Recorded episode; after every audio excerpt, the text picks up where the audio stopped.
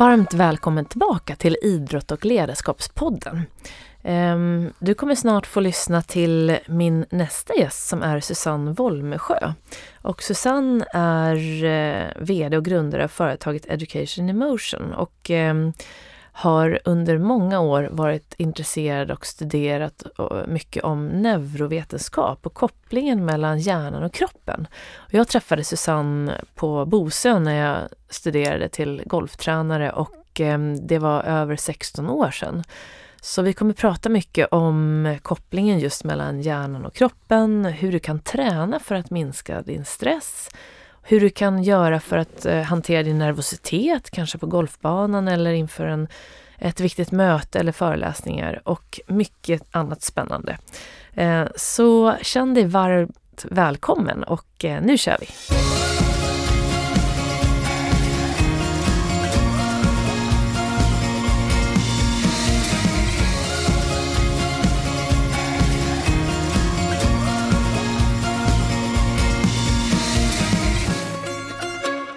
Då är ni varmt välkomna tillbaka till Idrott och ledarskapspodden och avsnitt 26. Idag är jag mycket glad att få presentera min nästa gäst som är Susanne Wolmesjö. Eh, Susanne är VD och grundare av företaget Education in Motion och arbetar med att studera hur rörelsemönster påverkar såväl koncentrationsförmågan som stressnivåer. Education Emotion är ett företag som arbetar med utveckling på individ och organisationsnivå utifrån ett neurovetenskapligt perspektiv. Och här integrerar de alltså kunskaper om hjärnan och neuromotorisk träning och de erbjuder också föreläsningar, utbildningar, coachande samtal och individanpassad träning. Susanne har då ett stort intresse inom kognitiv neurovetenskap och dess kopplingar till hälsa och lärande.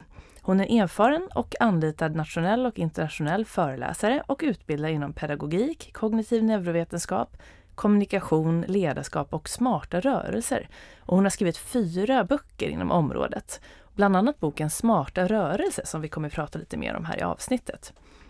Eh, Susanne jobbar även som individuell coach med KBT-inriktning och hon ingår i Riksidrottens idrottspsykologiska resursteam och har valt att samarbeta med specialister inom psykologi, fysiologi, neurovetenskap och medicin för att jobba med ett kvalitativt helhetsperspektiv.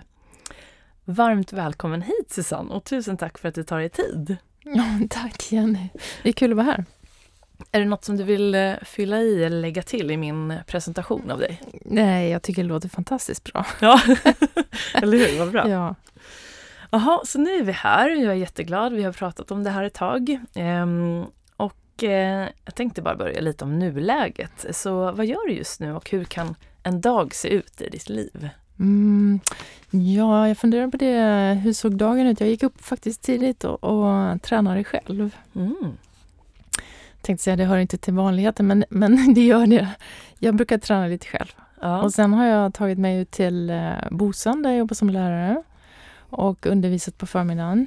Och då har jag haft ämnen som pedagogik och vi har, idag har vi pratat om feedback. Sen har jag tagit mig in till stan här för att träffa dig. Och mm. det tycker jag också är kul. Jag är delvis eh, känslig då för att göra andra saker. Och, eh, då kan det se ut så här. Möte, mm. föreläsningar eller något annat. Studier. Mm. Och ikväll kommer jag ha eh, ja, kommer träffa individer, klienter brukar jag säga då, mm. som ska ha träning och eh, coachning. När du tränar själv, vad gör du mm. då? Mm. Det, jag överdriver ju inte så mycket av någonting, men jag brukar försöka få med lite träning för mitt hjärta. Mm. Kondition, öka pulsen. Eh, jag brukar försöka töja och böja på min kropp så att den håller sig smidig och eh, lite lätt styrketräning. Just det. Sen är jag fantastisk av, eh, fantast utav tai chi. Precis. Ja. Jag brukar nämna tai chi ibland mm. för mina golfare, mm. apropå det här att ibland är det så viktigt att lära in sig rörelser långsamt. Mm. Och då brukar jag göra en parallell till tai. Just det. Är det det ja, som är en av de. Tai chi är ju egentligen självförsvar. Mm. Och det lär komma ifrån att uh, munkarna i Kina de blev bestulna, de fick inte slåss. Så då fejkade de lite att de tränar gymnastik, fast egentligen tränade de försvar. Så när man tränar tai chi tillsammans med andra så, så gör man det också i högre hastighet. Mm. Men, eh, men oftast ser man ju folk träna långsamt och i en form. Just det, så att är det så, vi, vi kommer komma in på det mycket mm. idag apropå hur kroppen och hjärnan fungerar mm. tillsammans. Mm. Och det är en sån intressant koppling just till golfen att om man nu skulle lära in sig golfsvingen väldigt långsamt först mm. och sen göra den i högre hastighet som man behöver. Mm. Är det ett bra sätt att lära in eh, även golf tror du? Ja, skulle kunna vara. Skulle mm. kunna vara. Sen blir man bra på det man tränar. Och eh, ska man träna golfsving som är snabbt så bör man ju träna det snabbt också. Mm, just så. Mm. Så eh, du håller ju på med väldigt mycket forskning och har studerat mycket om hjärnan som mm. vi kommer komma in på. Men är det någon speciell forskning du håller på med just nu? Eller mm. några studier? Jag är ju inte, jag är inte utbildad forskare men däremot kan ju alla forska kan man säga. Och eh, då just nu som vanligt så studerar jag en hel del olika saker. Och eh, då håller jag på bland annat att läsa en massa artiklar. Mm. Vi kan pausa bara, ja, så bryter vi det här sen. Ja. Ja. Kolla vem det är. Han kanske vill vara med i podden? Nej, jag har stängt av den men den surrade onödigt. Jag gör så här. Kolla om du kan... Ja, fimpa den helt. Ja. Jag blev bara förvånad att den ja, hörde precis. av sig. Det där har jag funderat på, för jag har bara också stängt av ljudet liksom. Då kan den ändå vibrera. Ja, det verkar så. Mm. Jag vet inte ens hur man stänger av den. Tryck på flygplansläge kanske? Så skulle kunna Då tror jag inte den. Ja, så, så gör jag nu för tiden. Ja. Forskar någonting. Ja. ja, jag lär mig min mobil. Ja. ja. Nu har vi flygplansläge. Ja. Kolla en gång till. Ja, ja härligt. Så. Eh, ska jag ta den? Då tar jag den frågan igen då. Ta med forskningen. Ja, mm. okay. Så håller du på med någon eh, typ av forskning eller några studier just nu? Mm. Jag, jag, är inte utbildad forskare då, alltså, men alla kan ju forska på sitt sätt och eh, det jag gör kon, kontinuerligt kan man säga det är att jag läser en massa böcker och studier då. Och då ja, inom området som jag är intresserad av, neurovetenskap och hjärnan och beteende. Och, och, så förbereder jag mig inför olika typer av utbildningar som jag ska hålla av föreläsningar. Just det. Så apropå din bakgrund här nu. Mm. Eh, vi kommer att prata en hel del om kroppen och hjärnan, vilket eh, är din specialitet. Eh, hur kom du in på det här området med smarta rörelser och neuromotorik, neurofysiologi från början? Mm. Alltså jag tror att jag alltid har varit intresserad av eh, att röra mig fast inte förstått varför jag har haft behov. Ända sedan liten då. Och eh, jag, sen utbildade jag mig till idrottslärare och massör och ännu mer inom fysiologi och, och så vidare. Sen, sen träffade jag faktiskt en kvinna från Kina som höll på med tai chi. Och just då letade jag efter någonting som att hantera stress. Och jag hade provat all möjlig mental träning då, men när jag såg den här kvinnan göra långsamma rörelser så frågade jag om jag fick följa med i rörelserna och, och, under den stunden som jag tränade med henne så upplevde jag själv att, oh, jösses, jag hade inte tänkt på någonting under den stunden. Så för mig blev det så här, wow, vad är det som händer när, hjärnan när jag rör mig? Mm. Så, och det är väl nästan en 30 år sedan nu då. Mm. Och det startade liksom ett mm. ännu starkare intresse ja. då för det här. Ja. Hur allting hänger ihop. Just det. Så och vad är det mest spännande inom det här området tycker du? Mm, ja, det kanske är just det hur allting hänger ihop. Mm. Eh, att med, när vi tränar kroppen så, så dels vet vi ju då att det påverkar vår fysiologi, vår hälsa. Men vi vet också då att det, det påverkar eh, våra kognitiva funktioner. Mm. Då, då pratar vi om minne och koncentration och lärande. Och perception, alltså hur vi ser och hör och tar in information. Dessutom vet vi att eh, vi påverkar vår emotionella del och även då socialt påverkas vi. Så vi, det är väldigt många delar som vi påverkar utav enkla övningar. Just det, och jag kommer ihåg då när jag själv studerade på Bosen och mm. kom i kontakt med din eh, träning din, eh, som lärare första gången. Och då var det ju genom boken Smarta mm, rörelser. Mm. Och den är ju så fantastisk för att det finns ju verkligen såna otroligt enkla övningar och en förklaring då hur kroppen och hjärnan eh, fungerar ihop. Mm. Um, kan du förklara lite mer sådär vilka övningar man kan göra för att koppla ihop hjärnan och just. kropp och vad det liksom egentligen handlar om? Ja. Du, just, just den perioden så var jag väldigt intresserad av pedagogik och hur det går till att lära sig egentligen. Och jag hade ju svårt för att sitta still själv och på mina, mina lektioner så, så gjorde jag ofta pausaktiviteter, stå upp, göra någonting och sådär. Och då var det någon som sa det finns böcker om det du gör. Och då läste jag på ännu mer då om alltså vad som händer i hjärnan när man rör sig.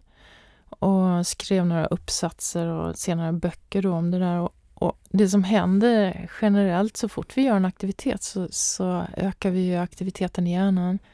Vi är ju kopplade till hela kroppen, så när vi rör fötter, och armar och ben så stimulerar vi aktiviteten i hjärnan. Så att ett, du ökar ja, vakenhetsgraden kan man säga. Sen är det ju då att vi kan sänka stress. Och kan vi då visa kroppen genom att slappna av den eller töja den eller röra den på olika sätt då, så brukar vi sänka stressnivån och det det är fördelaktigt för inlärning. Ja, men exakt. Ja. Och det, det samma gäller ju om vi ska, vad vi än ska prestera, då, om det är motoriskt eller om det är kognitivt, så, så är det mer fördelaktigt om vi har en, en kropp och hjärna i balans. Mm. Och är det samma, för du skrev den här boken, mm. Hur, när var det du skrev den? Ja, det var 2002. Just det. Mm. Och, och, är det samma eh, vad ska man säga, råd och rön som gäller idag när det gäller hjärnan och vilka övningar man kan göra, som du har skrivit om? Mm. Ja, jag absolut tycker att det är mycket som blir bekräftat då, och det kommer mer och mer artiklar Eh, om det här. Och en anledning att det kommer fler artiklar inom området är att det finns andra mätmetoder idag. Så de sista åren det bara sprutar ut med, med artiklar om vad som händer i hjärnan när man gör olika saker. Och det som kanske är lättast att forska om då, det är ju att mäta vad vi kallar ja, kvantitativa mått. Då, till exempel att mäta puls och kondition och ökning av kondition. Eh, det, det är relativt lätt då i forskningen att, att kolla och då kan man samtidigt titta, händer det någonting i hjärnan? Och där har man ju sett ganska mycket kopplingar faktiskt. Mm. Eh, jag brukar lägga till då att det, det är svårt att springa och hoppa om man inte är motoriskt klar. Och därför tycker jag då att det är, att ha kroppskoordination och motoriken på plats är kanske steget före. Finns inte lika mycket studier på det men absolut flera som stämmer överens. Mm. Så just det här koordinationsträningen, mm. korsande mm. rörelser exempelvis. Mm. Um, apropå vänster och höger hjärnhalva då, att vänster styr höger del av kroppen. Det. Och det är exempel på som man kan göra för att få mer balans och lugn. Ja, kan man säga. Mm. Och det som många känner igen kanske är att vi blir sämre motoriskt när vi stressar. Alltså då är det svårt och man snubblar och man ja, man slänger nycklarna istället för soporna och sånt där som man mm. egentligen klarar i vanliga fall. Eller man klarar att putta men helt plötsligt så blir man där i klubban och ja. Mm. Det händer grejer motoriskt när vi är stressade så att när vi då gör tvärtom, när vi jobbar med, med kroppen så lugnar sig hjärnan. Egentligen blir hjärnan lugn av när den vet var kroppen finns. Ja, just det. Ja, det är så spännande. Har du någon favoritövning som du brukar göra när du känner att du blir stressad? Om du behöver göra en inför en föreläsning så känner du kanske att pulsen mm. går upp. Och så. Finns det någon favoritövning? Mm, andas. Mm. det är en övning i sig. Mm, så det, är, det är väldigt motor, motoriskt och lugnande. Då. Och det är ju en skyddsmekanism som vi har när, vi, när det är någonting som händer runt omkring oss. Då håller vi faktiskt andan lite grann mm. för att skärpa våra sinnen.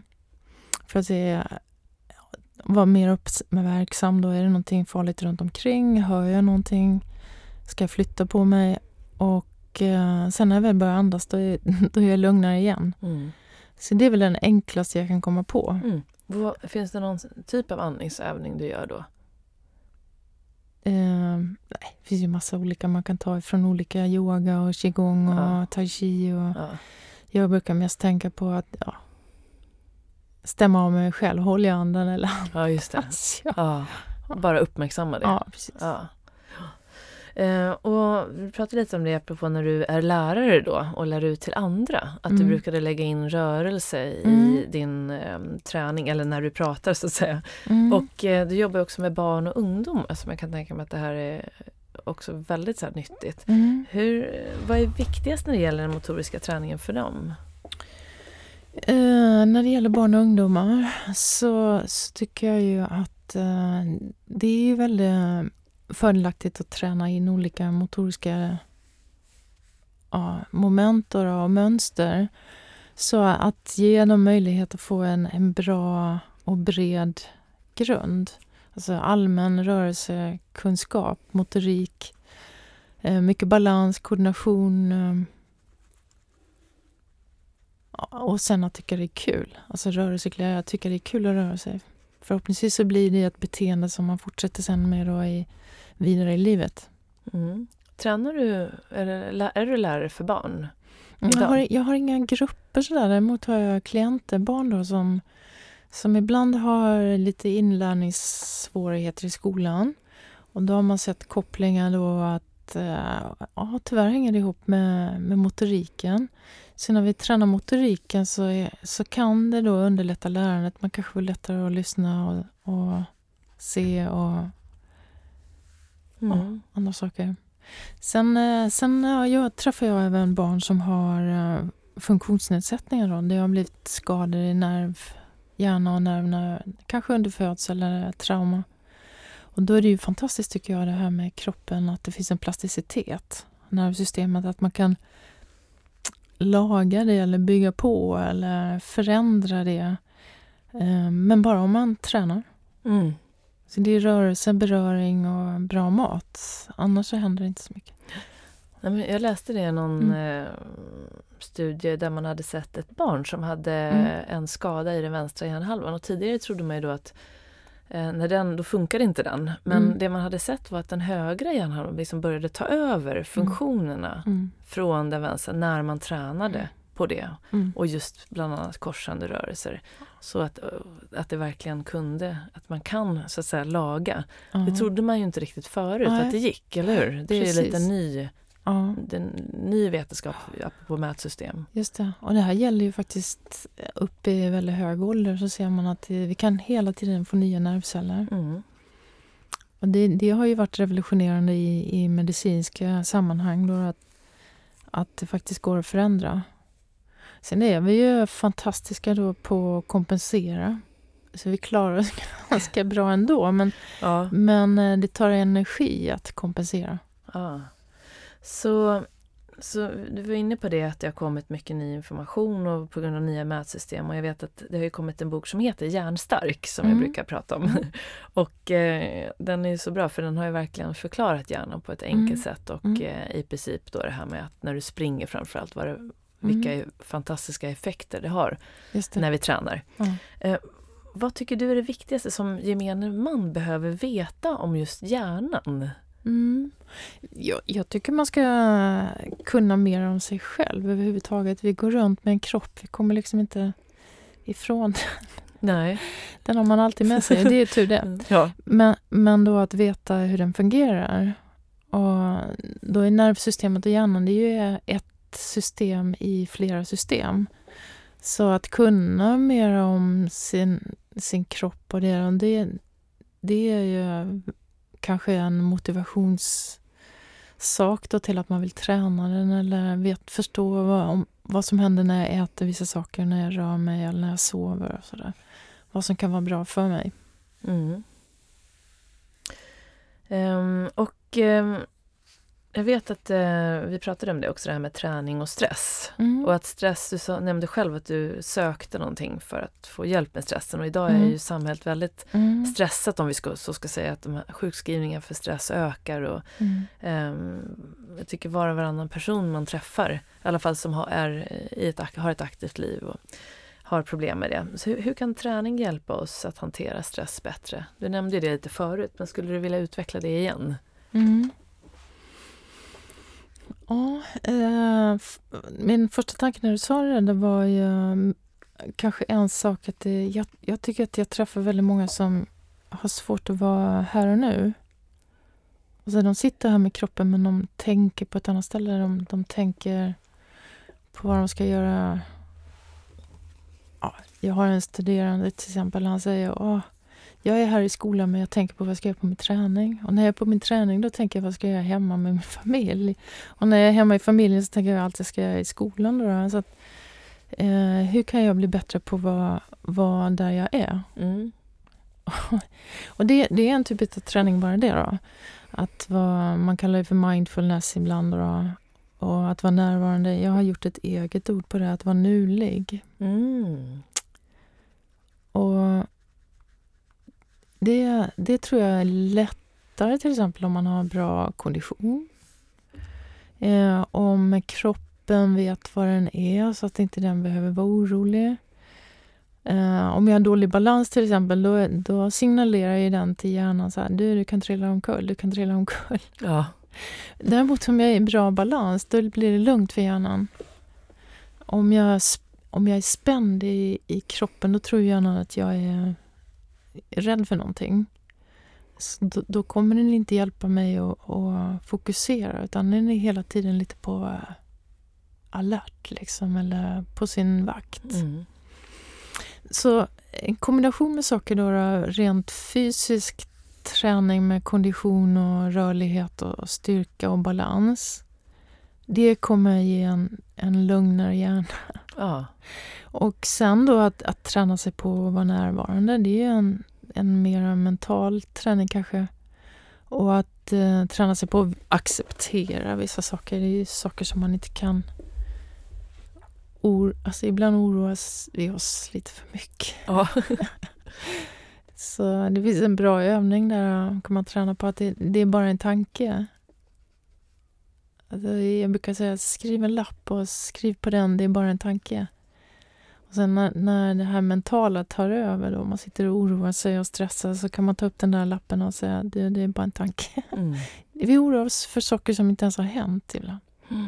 Och det är också en träningssak då. På tal om att träna på stress och att hantera stress.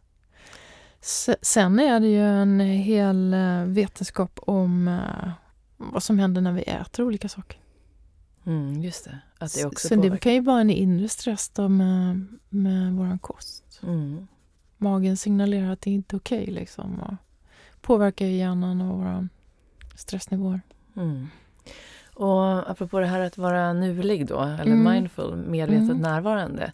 Så eh, ja, ibland så är det ju så här att eh, poletten trillar ner efter man har hört någonting hundra gånger. Mm. I mitt, men just det, träning kallas ja, men exakt, träning. Exakt. Och det här med när man sitter till exempel och mediterar, mm. då ska du tänka på en sak. Eh, det kan vara ett ord eller titta på ett ljus eller någonting. Mm. Och att du då tränar på att eh, när tanken kommer på något annat än det du har bestämt, det. om det är då ljuset eller andningen kanske, så ska du då ta tillbaka vänligt men bestämt mm. eh, tanken till det du har bestämt. Och så gör du det flera gånger och om mm. tankarna då försvinner hundra gånger då tar du tillbaka tanken på det du har bestämt eh, mm. eh, hundra mm. gånger. Och att det egentligen är en, det är en koncentrationsövning som är lika viktig om man reflekterar till golfen eller refererar till golfen. Att när du står och tittar på din golfboll eller på målet mm. och så kommer eh, tanke på resultatet. Tänk om den här bollen går i vattnet. Mm. Då har du ju tappat fokus på det du har bestämt. Mm. Men då gäller det att man också har bestämt vad man ska tänka på. Mm. För att om man inte har det, då är det svårt att veta vad man ska fokusera på. Så att man mm. hela tiden bestämmer vad man ska fokusera på och sen tränar då. Men att man kan träna utanför golfbanan genom till exempel en sån övning. Eller när man mm. dricker kaffet. Nu ska jag bara fokusera på att dricka kaffet. Mm. Och så fort tanken försvinner iväg så tar man tillbaka den. Just det. Har du någon annan sån koncentrationsövning som du brukar jobba med? Ja, det, det finns ju massor då. Men för mig har det funkat att uh, mera göra någonting mm. istället för att ändra tanke. Jag var, jag var inte riktigt bra på det där med att tänka på ett ord. Uh, och, men däremot när, när jag gör saker så är det lättare att få vara fokus. Mm. Och vara här och nu med min kropp. Så det kan vara enklare saker att, att, att göra med kroppen. Och sen eh, vet jag att ja, vi kanske har nämnt någon gång att, att, att skifta fokus till ett yttre fokus istället för att ha fokus på sina tankar så kan man då skifta det till yttre. Om det nu, nu tog du exempel som ljus och sådär. Men, mm.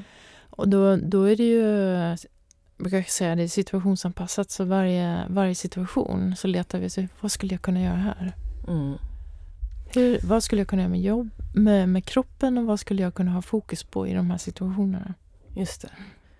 Kommer du ihåg när vi träffades på den här, det har jag sagt till dig förut, när, när jag eh, fick sån hjälp av dig, när jag mm. tävlade fortfarande, så träffades vi på en efter när man tävlade som proffs så var det ju sån här bankett eh, efteråt. Jag tror mm. att det var på ett sånt. Så vi träffades och jag hade spelat jättedåligt och var typ sist i tävlingen eller och så vet jag att vi pratade och jag sa det, nej men jag blir så nervös. Alltså jag kan inte, jag får som en blackout när jag ser outpinnar eller även om, ja.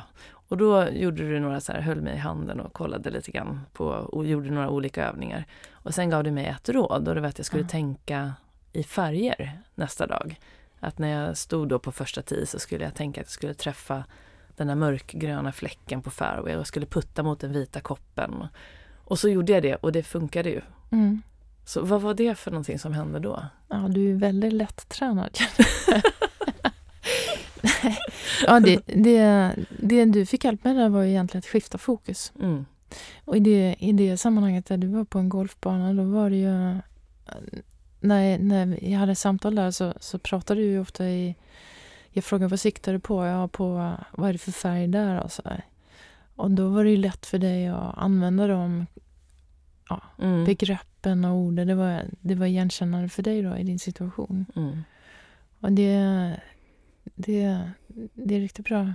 Mm. Enkelt. Just, och jag blev ju lugn av det, för jag fick uh. ju ett, eh, någonting att fokusera på. För uh. det var ju det jag hade problem med. Jag hade ingenting, jag visste ju att jag skulle fokusera uh. på målet men det gick inte för tankarna hamnade på hindren istället. Och just att jag fick ett fokus som också, eh, vad jag uppfattade det som att färger då sitter lite mer i den högra mm. sidan och jag, mm, att man är väldigt mycket mm. analyserande och kanske mm. resultatinriktad och detaljinriktad när man spelar mm. golf. Mm. Och då blev det liksom lite mer balans i hjärnan, kan man säga så också? Ja. Det, det är olika för olika personer då men man har en tendens att gå in i detaljer ibland, för mycket. Mm. Och det, om man ska titta på någon typ av hjärnforskning så, så visst, det är vissa delar i hjärnan som kanske är bättre på att analysera och fastna i detalj. Då, Och vissa är bättre på att jobba med helhet och rytm. Och vi behöver ju både och. Just det. Och det där kan också ha kopplingar med hur vi har kroppen. Så när vi lutar oss framåt till exempel, då, då då drar ögonmusklerna ihop sig så vi tittar mer på detaljer. Ja. Och när vi lutar oss bakåt så, så åker ögonen isär lite så då ser vi mer helheten. Vi vill varken vara framåt eller bakåt när vi just slår golfsving. Vi vill vara i balans. Mm. Men det kan man ju testa med sig själv då. När jag väl blir stressad, hamnar jag framåt eller bakåt? Och det kommer inte vara optimalt läge för varken den kognitiva funktionen eller eller den fysiska prestationen då. Så... Mm, just det. Mm. Så det här med balans är ett bra mm. sätt att träna när man är golfare till exempel. Att ja. återgå till att ha balans. Ja, och att, och att bli duktig på uh, egna analyser. Så här, självreglera. Oj, nu är det för mycket fram, nu är det för mycket bak. Mm. Där var mitten. Det var en annan grej man, man enkelt kan kolla det är ju... Jag frågade min tai chi-tränare en gång så här, oh, jag vet att det är självförsvar men jag känner för att slå ibland. Det får man inte göra, sa han då. Nej, då har du chi för högt, sa han. Och chi, det skulle vi kunna översätta med eh, gravitationen, alltså mittpunkten. Mm. Om du får mittpunkten för högt upp i din kropp, då kommer du tappa balansen, då går du upp på tå. Mm. Och då sa han, då är, du är för arg, sa han. När du är arg så åker den upp. Så här. Du måste sänka den, säger han. Och det, det är också så här, ja, men då, när jag känner fötterna på marken och när jag står i bra balans, då har jag också reglerat faktiskt min emotionella eh, mm. känsla. Mm. Jag pratade om just det här med Igor Ardori som är mental tuffhetstränare mm. och han kommer från japansk kampsport. Mm.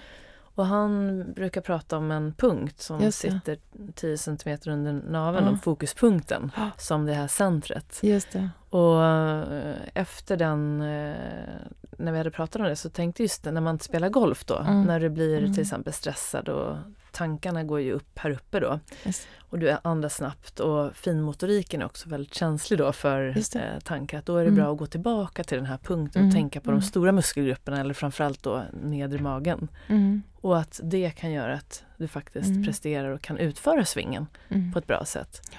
För att du får bättre balans när du tänker neråt. Eh, han kallar det för nedrört tillstånd istället för ja. upprört tillstånd. Apropå egna ord ja, det, saker.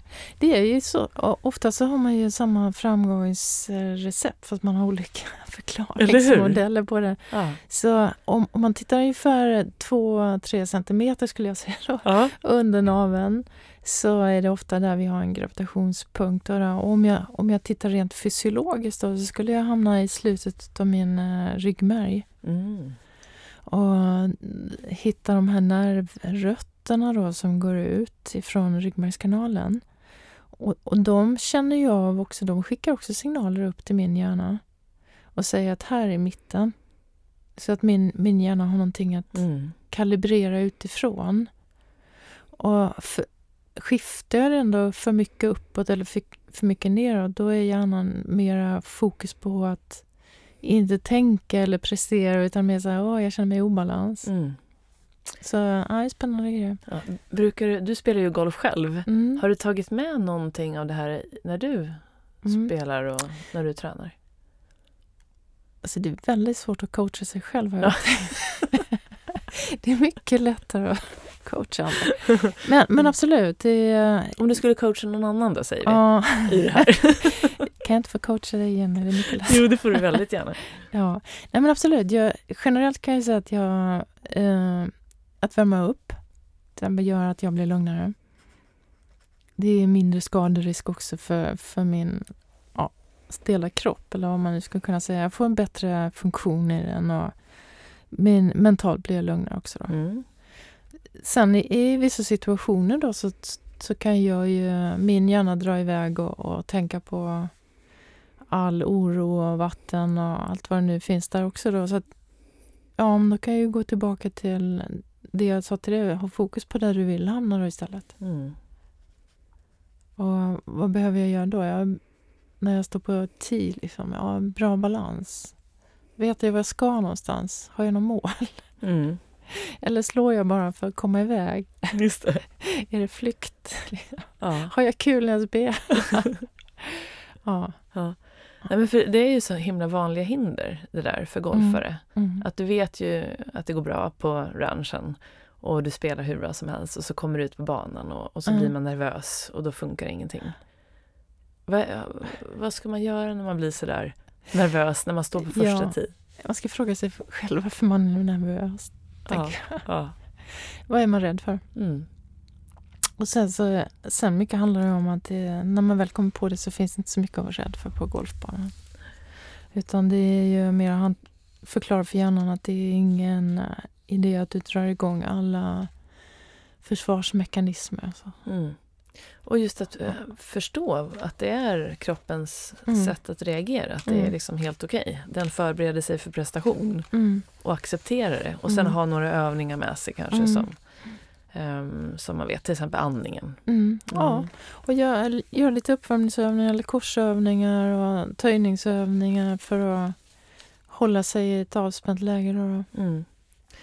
Um, apropå coacha sig själv och mm. även coacha andra så har jag läst nu på sistone en del om neuroledarskap. Mm.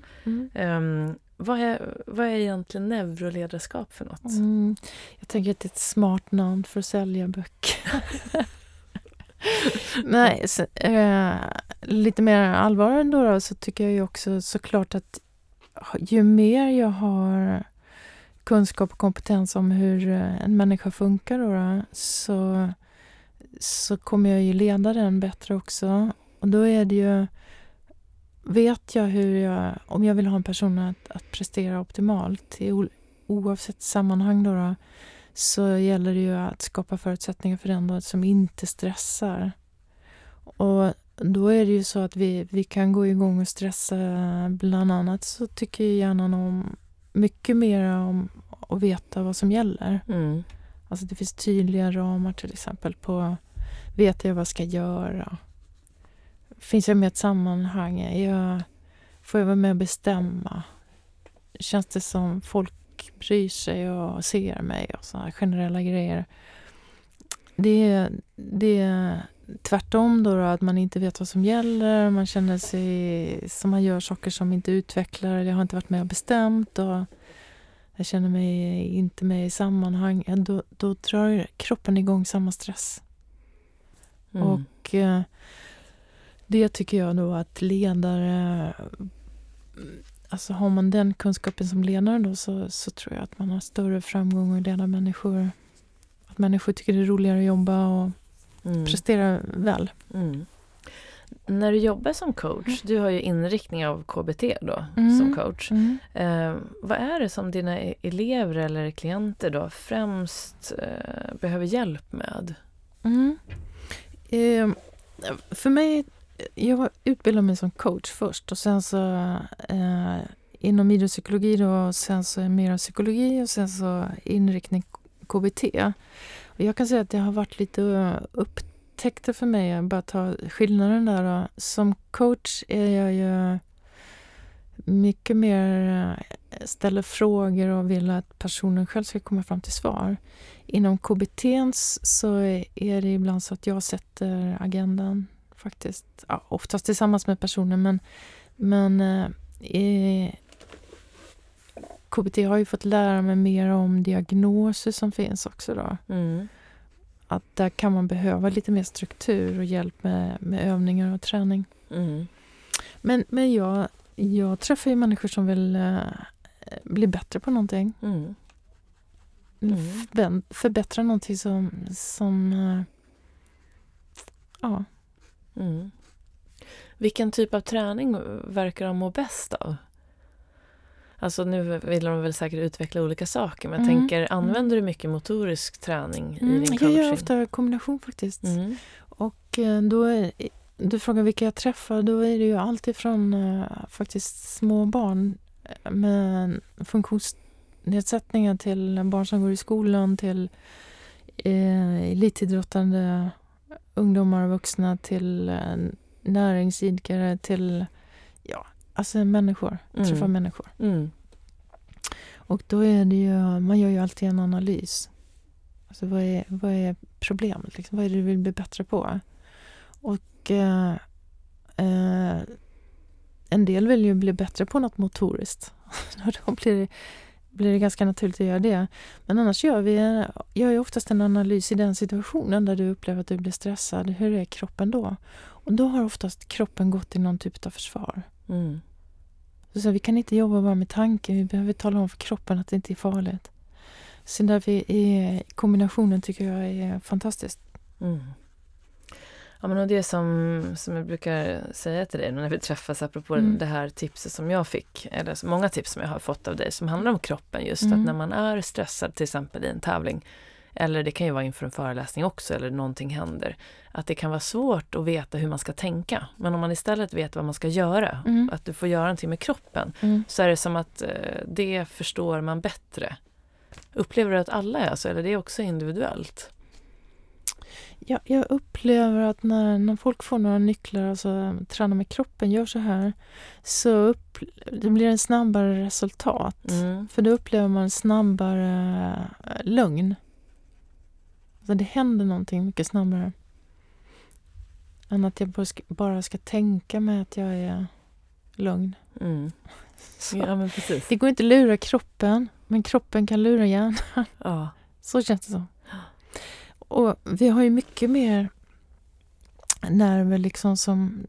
Om man skulle kunna lägga ihop alla nerver så har vi ju ett mycket större nervsystem ute i kroppen än i, än i hjärnan. Eller ja, kanske ska förklara det så att det kommer signaler till hjärnan och sen ska hjärnan skicka ut signaler.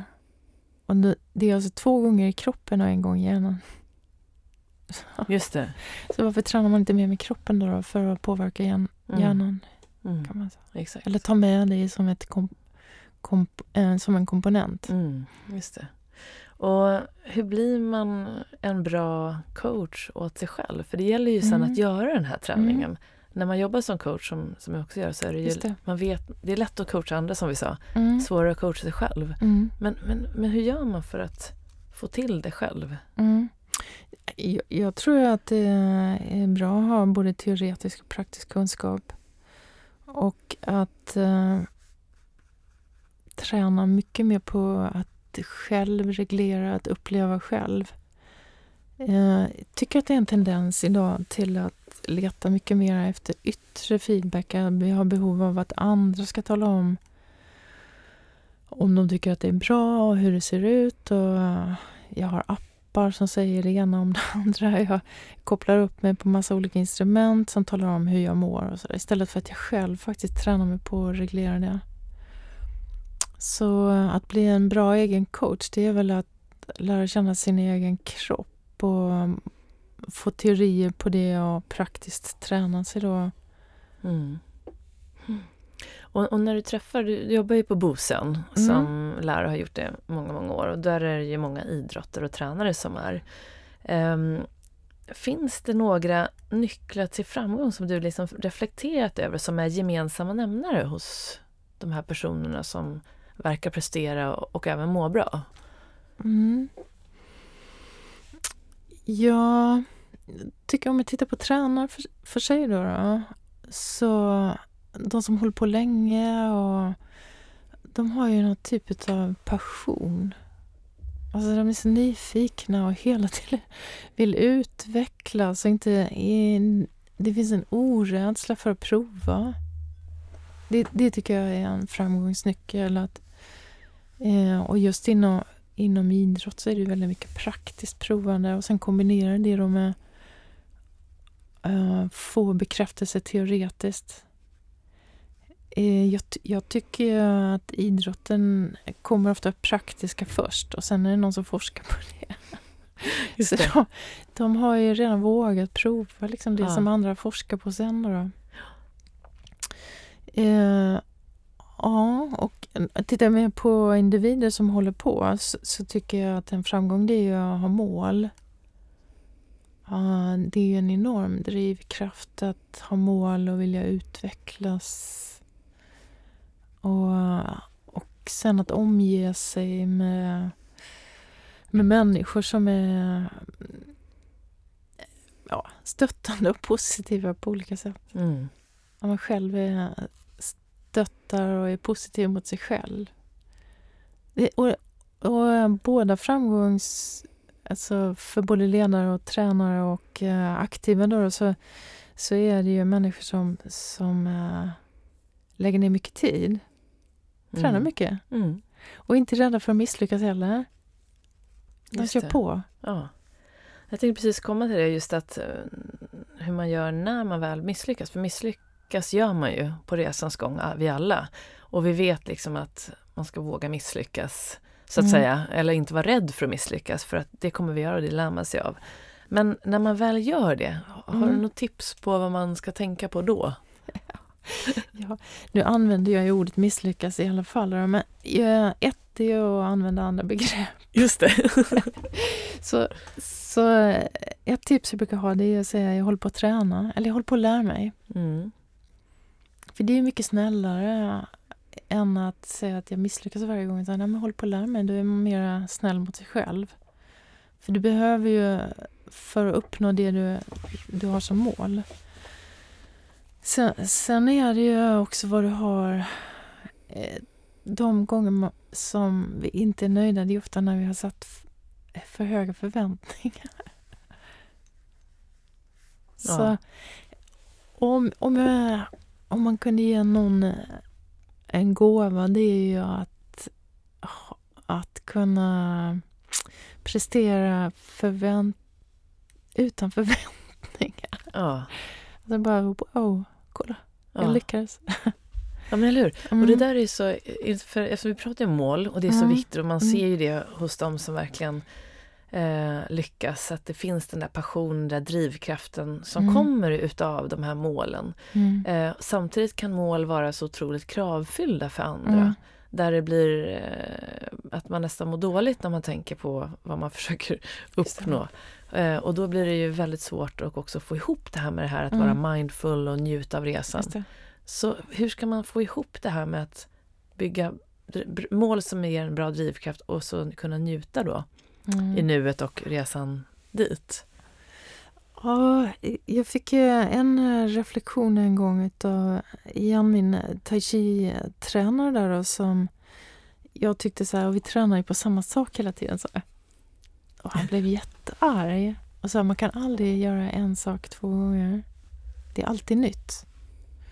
Så varje gång det här så är det första gången du gör det. Det blev ju en helt annan bild för mig. Så wow, det, det här har jag aldrig gjort förut. Det är lite som Pippi Långstrump.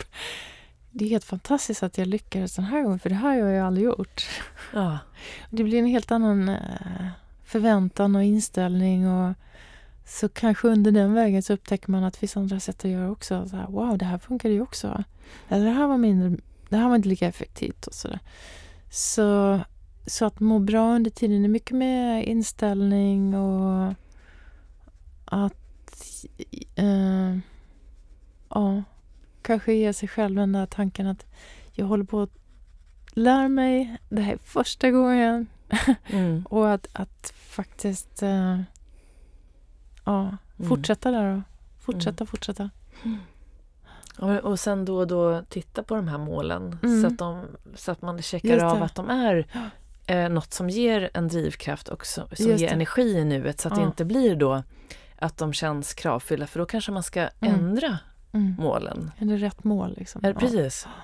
Det kan jag tycka är ganska Ja. svårt just att få ihop målet. Ibland Ja. kan det vara andra som vill att man ska nå ett mål istället för det. att det är du själv. Ja.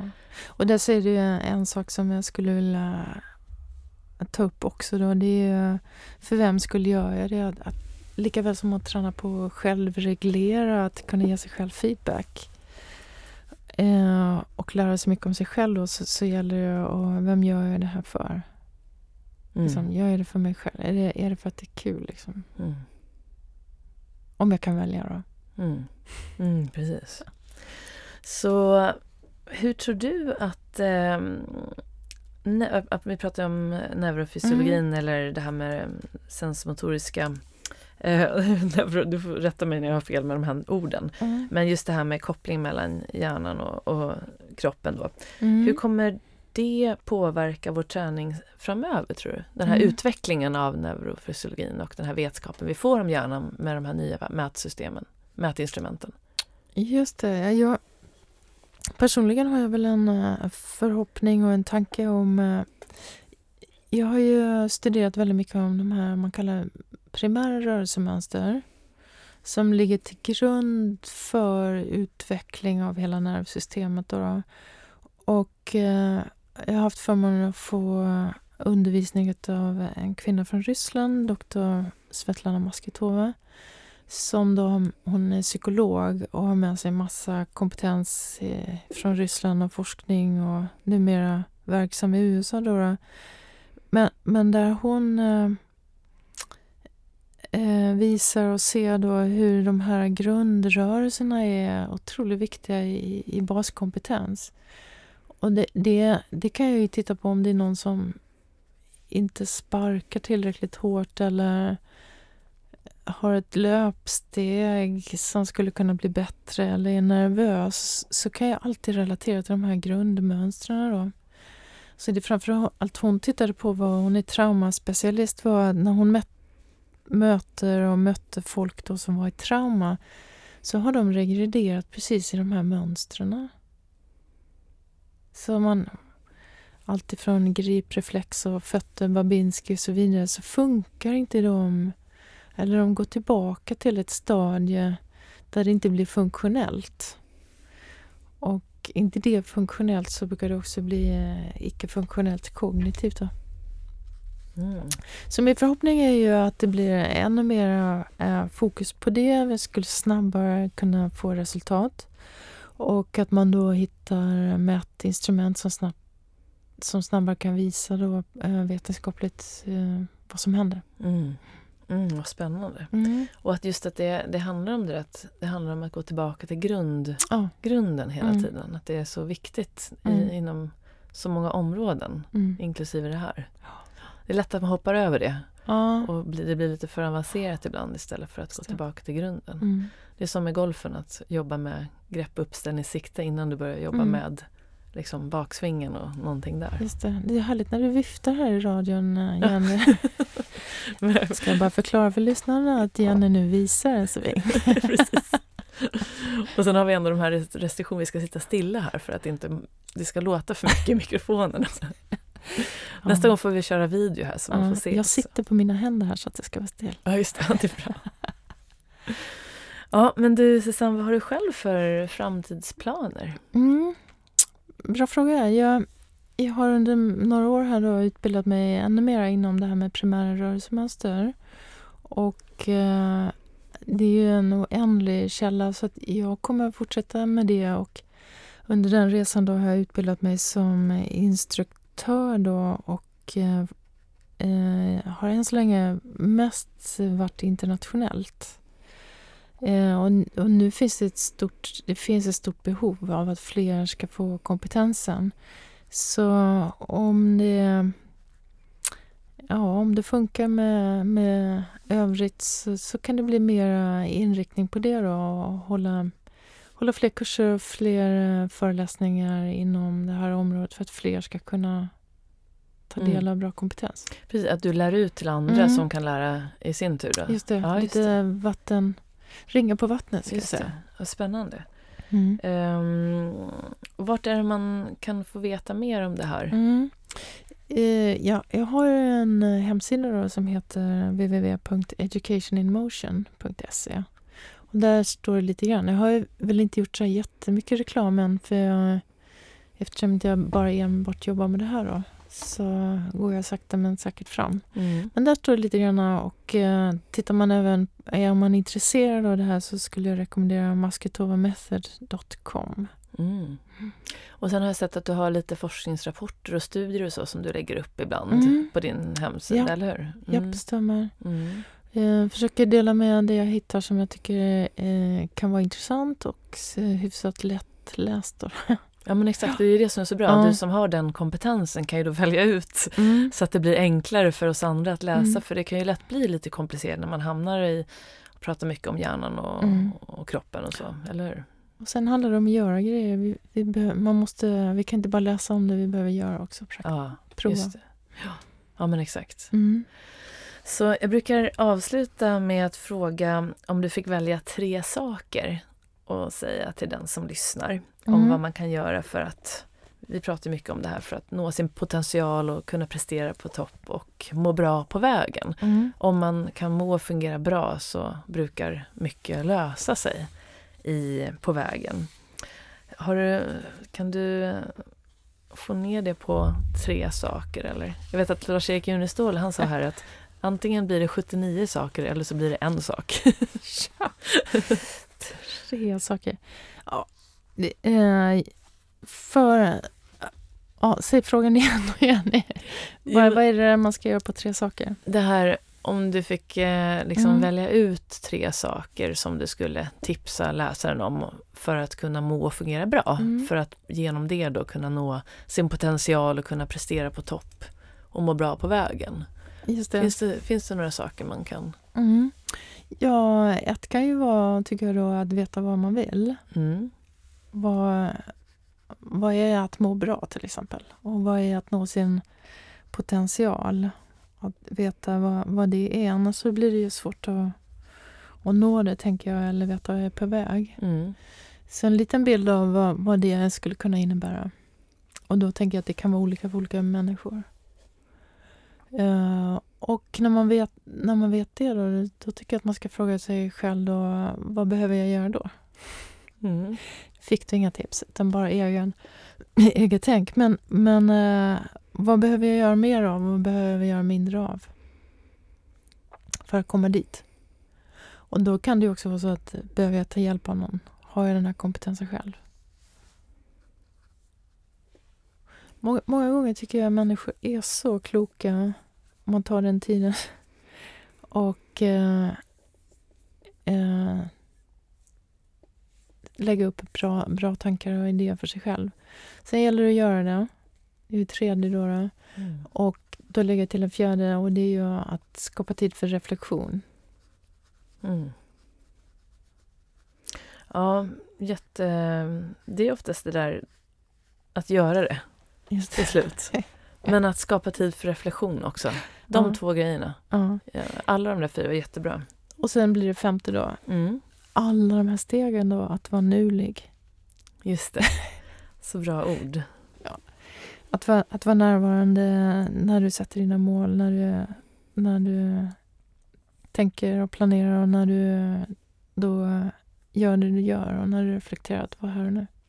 Just det, precis. För att när man planerar, då är, man ju, då är det det du ska planera. Så att även mm. om du då mm. planerar för framtiden mm. så är det ju faktiskt i nuet eftersom mm. det är planera som du så att säga gör. Mm. Eh, men om man då börjar bli orolig för det man mm. börjar tänka på, då är man ju inte i nuet. Mm.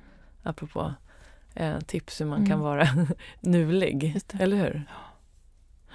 Ja. det, det, är en, det är en utmaning, verkar det som, för många av oss att få ta oss den tiden att vara här. Liksom, nu gör jag det här och nu. Mm.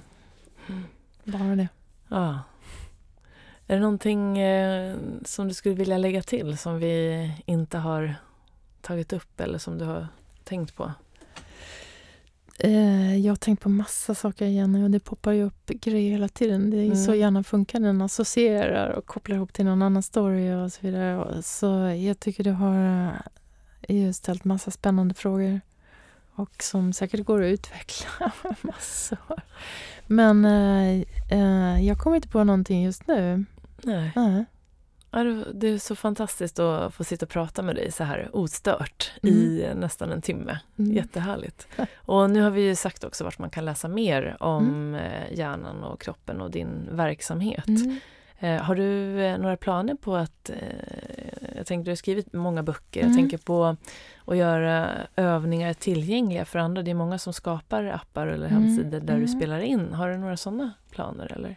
På att göra dina, de här viktiga övningarna? Just det, alltså jag tycker att det finns ganska mycket än så länge. Mm. Och eh, det finns väl någon tanke om att eventuellt revidera Smarta rörelseboken då. då. Men eh, Just nu så, så känns det som jag bidrar mest med att eh, få fler ut i världen som, som har kompetensen om primära rörelsemönster och hur vi kan bidra till att folk mår bättre. Mm. Ja, vilken härlig avslutning. Mm. Du, eh, Susanne, Stort tack för att du var med idag och delade med dig av din kunskap och inspiration. Och mm. Jag hoppas att du kan komma tillbaka kanske om ett, ett tag igen så får vi höra hur utvecklingen har gått med det här och, och massa andra spännande ja, saker. Så. Tack för att jag fick komma Jenny. Tusen tack.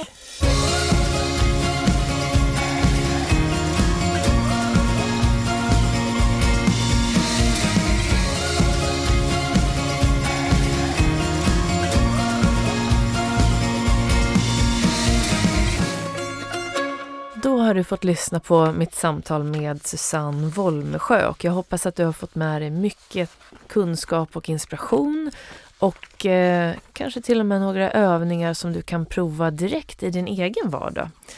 Ehm, och eh, jag kommer att lägga upp eh, några av de här övningarna faktiskt som vi pratade om på bloggen ehm, på jennyhagman.com och eh, du kan också verkligen kan jag rekommendera att du går och letar efter Susanne Wolmsjös böcker på Adlibris eller de ställen där det finns. Eh, där det står mycket spännande saker om just hjärnan och kroppen och hur du kan träna dem för att både må och fungera bra. Då önskar jag dig en fortsatt trevlig dag eller kväll och eh, så hoppas jag att vi hörs och ses snart igen. Hej då!